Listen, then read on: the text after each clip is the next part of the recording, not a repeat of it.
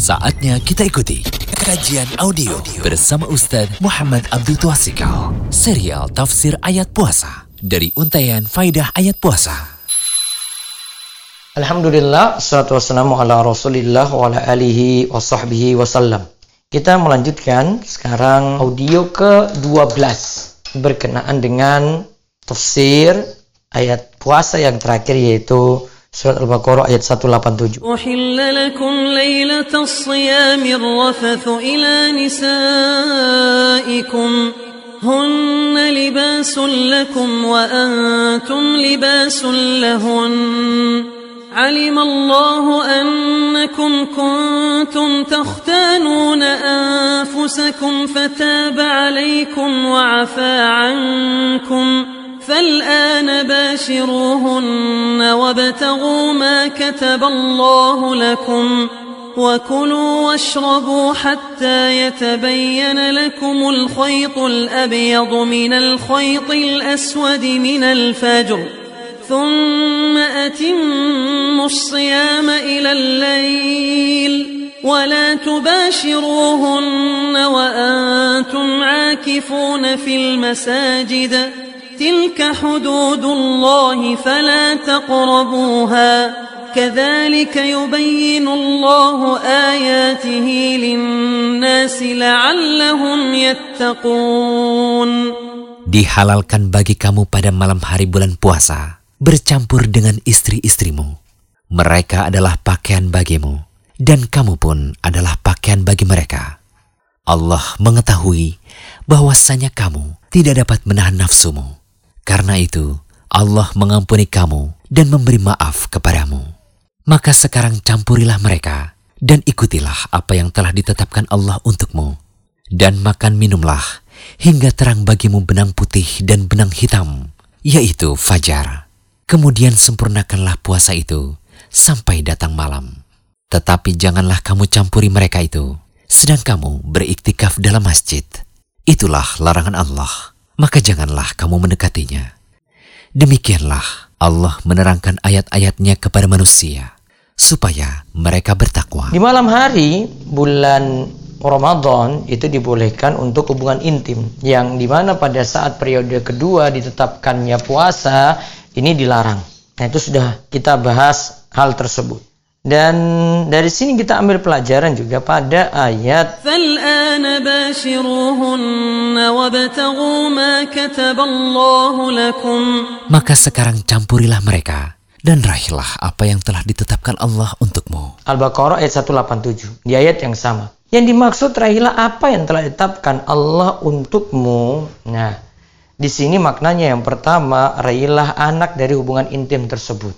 Yang kedua, ikutilah rukhsah atau keringanan untuk hubungan intim pada malam hari Ramadan. Yang ketiga, disuruh carilah Lailatul Qadar. Yang keempat, ikutilah Al-Quran.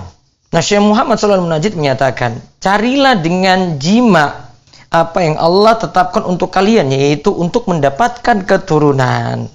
Begitu pula raihlah pahala dan balasan dengan semangat ibadah pada malam-malam bulan Ramadan. Di antaranya di dalamnya ada malam Lailatul Qadar. Jangan sampai tersibukkan dengan kelezatan dunia tadi malah lalai dari malam Lailatul Qadar. Nah, dari ini ada pelajaran tentang hukum batasi kelahiran atau ikut program KB di mana di sini dibahas di halaman 75 membatasi kelahiran karena khawatir rizki. Ingat, tidak boleh orang itu ikut KB atau dia itu membatasi kelahiran karena khawatir rizki. Karena di sini sudah berkurang ketauhidannya, berkurang keimanannya pada Allah.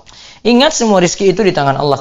وما من دابة في الأرض إلا على الله رزقها Dan tidak ada suatu binatang melata pun di bumi, melainkan Allah lah yang memberi rizkinya. Hud ayat ke-6. Juga disebutkan dalam ayat yang lainnya Allah yang menanggung rizki kita dan anak-anak. ولا تقتلوا أولادكم من إملاق نحن نرزقكم وإياهم Dan janganlah kamu membunuh anak-anakmu karena takut kemiskinan.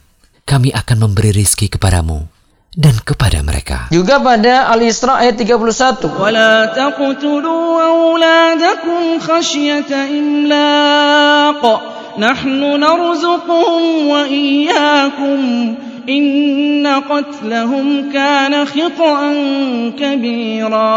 Dan janganlah kamu membunuh anak-anakmu karena takut kemiskinan. Kamilah yang akan memberi rizki kepada mereka dan juga kepadamu. Sesungguhnya membunuh mereka adalah suatu dosa yang besar. Nah, tentang ayat ini nih kalau kita pahami, Ibnu Katsir rahimahullah menerangkan tentang kalimat min imlak karena takut miskin. Ibnu Abbas Qatadah As-Sudi dan selainnya yang dimaksud imlak adalah fakir atau miskin. Artinya, jangan bunuh mereka anak-anak karena miskin. Sedangkan Al-Isra ayat 31, tadi kan disebutkan khosyata imlak, nahnu narzukuhum wa iyyakum. Kami beri rizki kepada mereka dan juga kepada kalian. Didahulukan narzukuhum ya, anak-anak dulu disebut di situ dalam surat Al-Isra ayat 31. Menunjukkan perhatian pada rizki mereka yaitu jangan khawatir dengan kemiskinan kalian. Ingatlah rizki mereka anak-anak ditanggung oleh Allah. Adapun Al-An'am ayat 151 di situ disebutkan nahnu narzukukum wa iyahum kami yang beri rizki kepada kalian, wahai orang tua, wa iyahum dan kepada mereka anak-anak. Di sini yang dimaksudkan, jangan bunuh mereka, ya karena kemiskinan saat ini.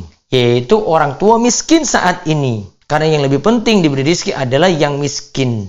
Ya, ingat yang miskin Allah nanggung rizkinya. Maka terserah di situ orang tua uh, khawatir dirinya miskin atau dia khawatir anak-anaknya itu nanti ya tidak mampu diberi makan pokoknya tidak boleh ya membunuh.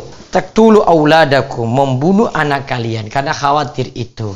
Nah para ulama membawa ini ke masalah program KB karena khawatir rizki itu tidak boleh tercelah yang boleh di sini kalau mengatur jarak. Maka kesimpulannya yang bisa kita ambil faedah ayat dianjurkan niat hubungan intim. Jima adalah untuk mendapatkan keturunan bukan sekadar melampiaskan syahwat. Jadi yang sudah menikah niatkan untuk itu. Jangan cuma niatannya saya penting salurkan syahwat saya kepada istri gitu bukan. Namun niatkan itu juga untuk ibadah dan juga untuk mendapatkan keturunan. Nah itu sudah jadi nilai ibadah jadi hubungan intim tadi untuk dapatkan keturunan. Nah, maka disayangkan kalau ada yang sudah menikah, dia khawatir punya keturunan di sini. Nah, itu yang masalah. Yang kedua, ayat ini menunjukkan dimakruhkannya azl. Azl itu menumpahkan sperma di luar dan terlarang membatasi kelahiran. Yang ketiga, kita diajarkan untuk melakukan sebab. Karena dalam ayat diperintahkan untuk berjima supaya mendapatkan keturunan. Nah, ini namanya sebab. Jadi kalau kita dalam hal rizki juga demikian, tidak bisa hanya nongkrong di rumah untuk rizki itu datang, lakukan sebab. Terus, faedah lagi yang keempat, hendaklah manusia tidak disebutkan dengan berbagai kesenangan dunia, walau ini dihukumi mubah, sehingga melalaikan kita dari pahala besar dengan ibadah pada bulan Ramadan dan sibuk melakukan ketaatan. Jadinya lalai untuk ketaatan juga. Jadi memang dibolehkan malam hari namun tidak sampai jadi keseringan yang membuat kita lari dari ibadah apalagi di hari terakhir dari bulan Ramadan. Demikian, mudah-mudahan Allah berkahi Ramadan kita dengan amalan-amalan soleh. Allah ibarik fiqh. Baru saja kita ikuti kajian audio bersama Ustadz Muhammad Abdul Tuasikal. Ingat, ilmu itu diikat, jangan dilepas. Semoga kajian ini membawa berkah. Jangan lupa kunjungi terus situs rumaiso.com